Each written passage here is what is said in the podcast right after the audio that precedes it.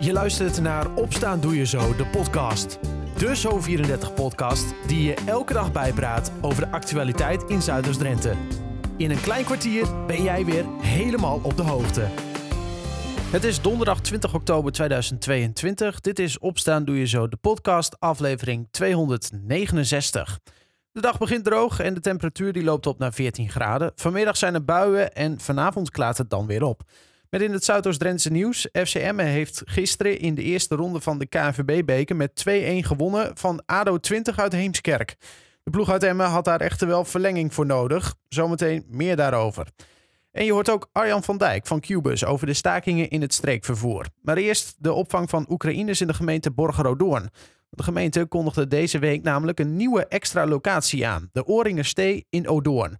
Ik praat erover met burgemeester Jan Seton. Meneer Seton, waarom is nog een opvanglocatie nodig? Ja, het is nog steeds uh, nodig. Uh, ja, zoals iedereen wel ziet, de oorlog is nog niet voorbij. We weten ook niet hoe lang het gaat duren.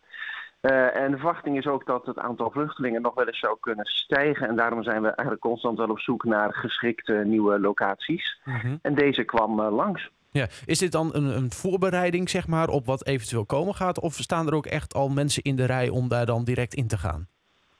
Ja, we gaan ervan uit dat er wel gelijk gebruik van gaat worden gemaakt hoor. Want er, er is nog wel steeds vraag naar opvangplekken voor uh, Oekraïne. Mm -hmm. uh, dus, en het zou jammer zijn als je zo'n plek ter beschikking hebt en er wordt niet gebruikt. Dus ik denk dat er wel gelijk Oekraïners uh, in zullen worden opgevangen. Ja, 20 tot 28 personen, daar is plek voor in de Oringerstee. Ik zei het al. hoe is deze locatie gevonden, slash tot stand gekomen? Ja, dat is eigenlijk wel mooi, want ja, mensen weten dat de gemeente op zoek is naar plekken. Veel mensen hebben ook wel uh, uh, het hart op de goede plek voor mm. opvang van Oekraïners. En hier was een ondernemer die zei, ik heb uh, ruimte beschikbaar. Zouden jullie als gemeente daar gebruik van willen maken? Dus we kregen het aangeboden, we zijn in gesprek gegaan. Het bleek zeer geschikt, want het is een hotel. Dus dat zijn prachtige ruimtes. En vandaar dat we nu op deze plek terecht kunnen. Ja, dit is dan ook een plek waar niet zoveel aan hoeft te gebeuren van tevoren, zeg maar. Er hoeven geen toiletgebouwen gecreëerd te worden, dat soort dingen allemaal. Nee, dat klopt. Hè. We hebben ook wel Oekraïners opgevangen in uh, units bij het gemeentehuis. Uh, ja. Waren we ook blij mee dat, dat die op ons pad kwamen, dat we die konden inzetten. Maar daar moet je dan toch wat meer aan doen. Dit is uit de kant en klaar en kan zo in gebruik worden genomen. Ja. Uh, het is, als ik me niet vergis, wel redelijk in het, het, het hart van, van Odoorn. Um, ja, heeft dat al reacties opgeroepen toen dit nieuws bekend werd gemaakt? Nee, we hebben nog niet uitgebreide reacties gehad vanuit het dorp. Uh, ik verwacht ook niet heel veel uitgebreide reacties, want het beeld in onze gemeente is dat voor opvang van Oekraïners er heel veel draagvlak is. Mensen zien bijna dagelijks de beelden en ze hebben allemaal het idee, kunnen we daar wat aan doen? Nou daar komt bij dat de plek heel geschikt is. Uh, maar goed, het kan zijn dat mensen daar nog wel vragen over willen stellen. En daarom hebben wij komende dinsdagavond een informatiebijeenkomst om mensen op de hoogte te stellen. Ja, wat, wordt er tijdens zo'n informatiebijeenkomst eigenlijk uh, verteld? Want uh, ik kan me voorstellen, ja, eigenlijk is het gewoon, dit is wat we gaan doen. heeft u nog vragen of, of is dat iets uitgebreider dan dat? Ja, wel iets uitgebreider dan dat. Wij uh, geven even het beeld van de opvang van uh, asielzoekers. Uh, dus ook statushouders, mensen die mogen blijven, maar ook asielzoekers om ter afval te ontlasten. En Oekraïners. Dus even het plaatje hoe zit de gemeente Borgerdoorn in de opvang. -hmm. En dan leggen we uit hoe we dat rondom Oekraïners doen. Hè? Want er worden nu al Oekraïners opgevangen in Nieuwbuinen en in Kleindijk op de camping en ook in Ezelgroen. Dus er zijn verschillende plekken, kleinschalig allemaal, ja. waar we de Oekraïners opvangen. En mensen hebben vragen over over uh, wat voor dagprogramma is daar en zijn er kinderen bij, gaan die naar school en allemaal dat soort praktische vragen, ja. die komen naar voren. En, en mochten er vragen zijn over overlast, want die zou ik wel kunnen verwachten, maar op alle andere locaties is eigenlijk geen sprake van overlast. Nee, want, want hoe gaat het op die andere locaties? Want die zijn al een tijdje, nou die zijn er al een tijdje. lopen die binnenkort bijvoorbeeld ook af of is dat nog wel voor een langere periode?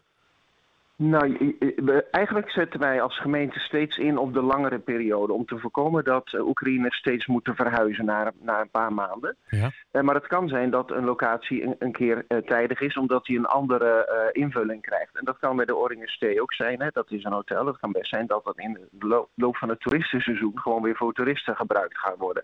En dan heb je weer andere plekken nodig. maar we zetten in op langdurig. Dus niet voor twee of drie maanden. Dit moet echt langere periode zijn om te voorkomen dat je mensen te veel moet gaan verslepen. Ja, en dat geldt dus voor uh, al die locaties, uh, neem ik aan, die ook nu al in gebruik zijn. Ja, maar Ja. het kan dus zijn, want er zitten wel meer locaties in eh, eh, die misschien eh, weer op een andere manier gebruikt gaan worden. En, en, en- we weten dat er meer eh, Oekraïners en vluchtelingen kunnen gaan komen. Maar ook als er eentje weg zou vallen, wil je ook weer een alternatief hebben voor eh, opvang in de eigen gemeente. Want wij doen ons stukje mee. Hè, vergeleken met, met Drenthe, alle Drentse gemeenten vangen Oekraïners op. Dus wij willen onze eigen taak, ons portie wel doen. Ja. En daarom blijven we ook kijken naar geschikte locaties. Oké, dus eh, dat er eventueel weer een nieuwe locatie komt binnenkort, dat is niet uitgesloten, begrijp ik ook hieruit. Nee, is niet uitgesloten. We zijn altijd aan het kijken. We hebben niet iets zo concreet als we nu in Odoorn hebben. Maar het kan wel zijn dat in de komende tijd nog eens een locatie wordt ingezet. Ja, het is uiteindelijk ook afhankelijk hoe de oorlog zich gaat ontwikkelen Mhm. in de Oekraïne. We hopen allemaal dat dat weer normaliseert en dat mensen terug kunnen naar hun eigen land. Maar zolang dat niet zo is, eh, zorgen wij wel voor passende opvang. Dinsdagavond, 25 oktober, dat is eh, komende dinsdag. Dan is die informatiebijeenkomst in de Oringen Marken. Dat ligt eh, praktisch eh, de tegenover of de naast? Ik ben er niet helemaal De goed. tegenover. De tegenover, hè? Ja. Eh, Ehm, tegenover, ja. Tegenover de- de plek waar dan wordt opgevangen straks. Wanneer zijn dan de eerste gasten als het ware welkom? Of mogen die nu al opgevangen worden daar? Nou, wat je net al aangaf, er is niet heel veel voorbereidingstijd eh, nodig om het geschikt te maken. En dan is het even afhankelijk van eh, wanneer er een groep van Oekraïners, dat loopt via de VRD, via de veiligheidsregio, Ja. aan de gemeente Borgerодon wordt eh, toegekend. Dus die zijn dan voor ons. En dan gaan we ze plaatsen. Maar ik, ik denk dat dat vrij snel gaat gebeuren. De informatiebijeenkomst over de opvang in Odoorn wordt komende dinsdag georganiseerd. Om 7 uur s'avonds is de inloop. Burgemeester Jan Seton en wethouder Bernard Jansen zijn daar dan bij om vragen te beantwoorden. Zometeen in de podcast meer over de stakingen in het streekvervoer. Dat na het nieuws uit Zuidoost-Drenthe. FCM heeft in de eerste ronde van de KNVB-beker gisteren na verlenging met 2-1 van ADO 20 gewonnen. De amateurclub uit Heemskerp stond na 11 minuten al met 10 man in het veld, maar kwam desondanks op voorsprong. ADO 20 komt uit in de derde divisie. Ricardo Sivkovic scoorde 20 minuten voor tijd de 1-1 voor Emmen, waardoor dus verlenging werd afgedwongen. In de negende minuut van de verlenging maakte Assedin Toufiki de winnende. Trainer Dick Lukien was niet tevreden met het optreden van zijn ploeg. Nee, ik vond het ehm, bedroevend slecht.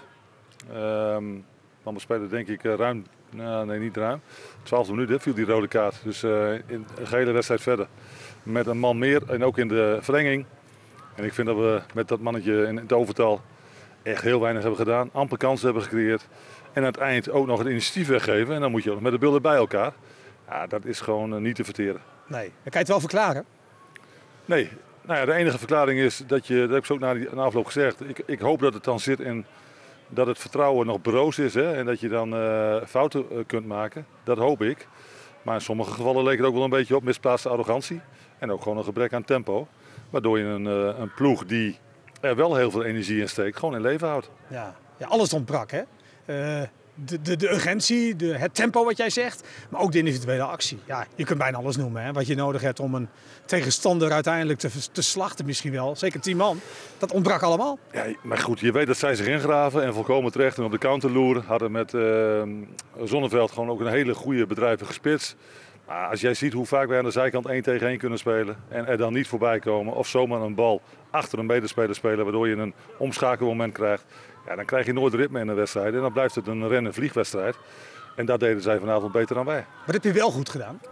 We, hebben, we zitten in de koker. Dat is eigenlijk het enige wat ik. eh, ik heb afloop ook gezegd dat ik, eh, ja, ik, ik. Ik vind het gewoon beneden alle pijl dat je vanaf de kant ook ieder moment aan moet coachen om. Nou ja, urgentie noemde jij dat. Om gewoon lijnen dicht te hebben verdedigend. Om opbouwend aanvallend overtal te creëren op de zijkant. Ja, dat zijn dingen waar we dagelijks mee bezig zijn. En dat, het lijkt wel alsof mensen dat gewoon dan niet willen doen vandaag. Ja, daar kan ik slecht tegen. De gemeente Emmen onderzoekt de mogelijkheid voor de komst van een superindustrieterrein. Dat zegt wethouder Jisse Otter in een interview met online vakblad Stadszaken. Volgens Otter gaat het om een nieuwe locatie voor bedrijven van 30 hectare of meer. De wethouder verwacht minimaal anderhalf jaar verder te zijn voordat er concrete stappen gezet kunnen worden. En muzieknieuws. De Drents-Neder-Saxische band Awesome heeft bekendgemaakt te stoppen. Dat melden ze woensdag op Facebook. Na vijf jaar is gezamenlijk besloten dat ieder bandlid zijn eigen muzikale pad gaat bewandelen. Onlangs brachten ze nog een nieuwe single uit en gaven ze twee optredens. Tot zover. Dit en meer vind je ook online op zo34.nl of in onze app. Het is de tweede dag van de staking van buschauffeurs in het streekvervoer voor een betere CAO en minder werkdruk. Maar volgens Arjan van Dijk van vervoersmaatschappij Qbus heeft het staken geen nut, vertelde hij bij verslaggever Serge Vinkenvleugel. Nou, omdat uh, ten eerste dat heel erg uh, duperend is voor de reizigers. Het is niet fijn, je ziet dat er behoorlijk wat bussen rijden, maar er rijden er ook een aantal niet. En als, jou, als precies dat jouw bus is, is dat absoluut niet fijn. Het is niet kiezen om te staken voor een lopende CO omdat die nog maar twee maanden geldig is. Omdat er eigenlijk niks verandert um, door te staken.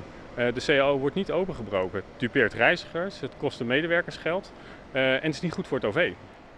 En nou zegt de FNV, ja wij staken eigenlijk, ze zeggen vanwege de werkdruk en de roosters, maar achter daar zit de pijn van um, de eerdere gesprekken die er voor de vorige CAO waren, waar in coronatijd de werkgevers zeiden, bonden maak nou spas op de plaats, geen looneis, nullijn, krijgen jullie straks terug als corona over is, want wij hebben het ook moeilijk. Dat geld, zegt de FNV, is niet gekomen met een huidig uh, 2,8. Dat dekt niet eens de inflatie. Nou, en daarom is het goed om uh, uh, opnieuw aan tafel te komen voor de CO 2023 en verder. Want een huidige CAO wordt niet opengebroken, maar we kunnen met elkaar goede afspraken maken voor uh, de tijd die komen gaat.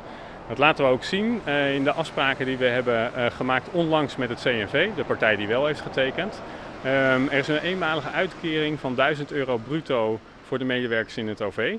Um, en dat is juist om een stap te zetten naar aanleiding van de inflatie die, waarmee we met z'n allen te maken hebben. Maar eenmalig 1000 euro uh, is makkelijker uit de financiële ruif te trekken dan een veel hoger loonbod of een hele hoge inflatiecorrectie die permanent door blijft werken in de volgende CAO. Met andere woorden, hoeveel ruimte heeft u? Want die vervoerbedrijven die hebben het nog steeds moeilijk. Ja, en daarom moeten we dus juist met elkaar aan tafel. Daarom zeggen we juist stop met staken en kom praten. Um, want uh, staken en, en, praten, dat gaat niet samen. Dan loopt er van alles door elkaar, zegt u. Exact, correct. Maar laat me raden, u gaat niet aan tafel als de FNV door blijft staken. Ja, correct. Dat is uh, niet fijn. Want dan kom je in de situatie zoals we net uh, aangaven. ergens lopen de andere onderhandelingen en ergens staken we.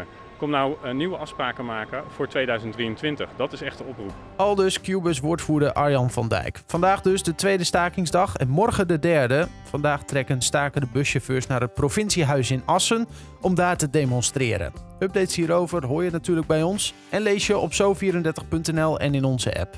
Tot zover Opstaan Doe Je Zo, de podcast van donderdag 20 oktober 2022. Een fijne dag en tot morgen.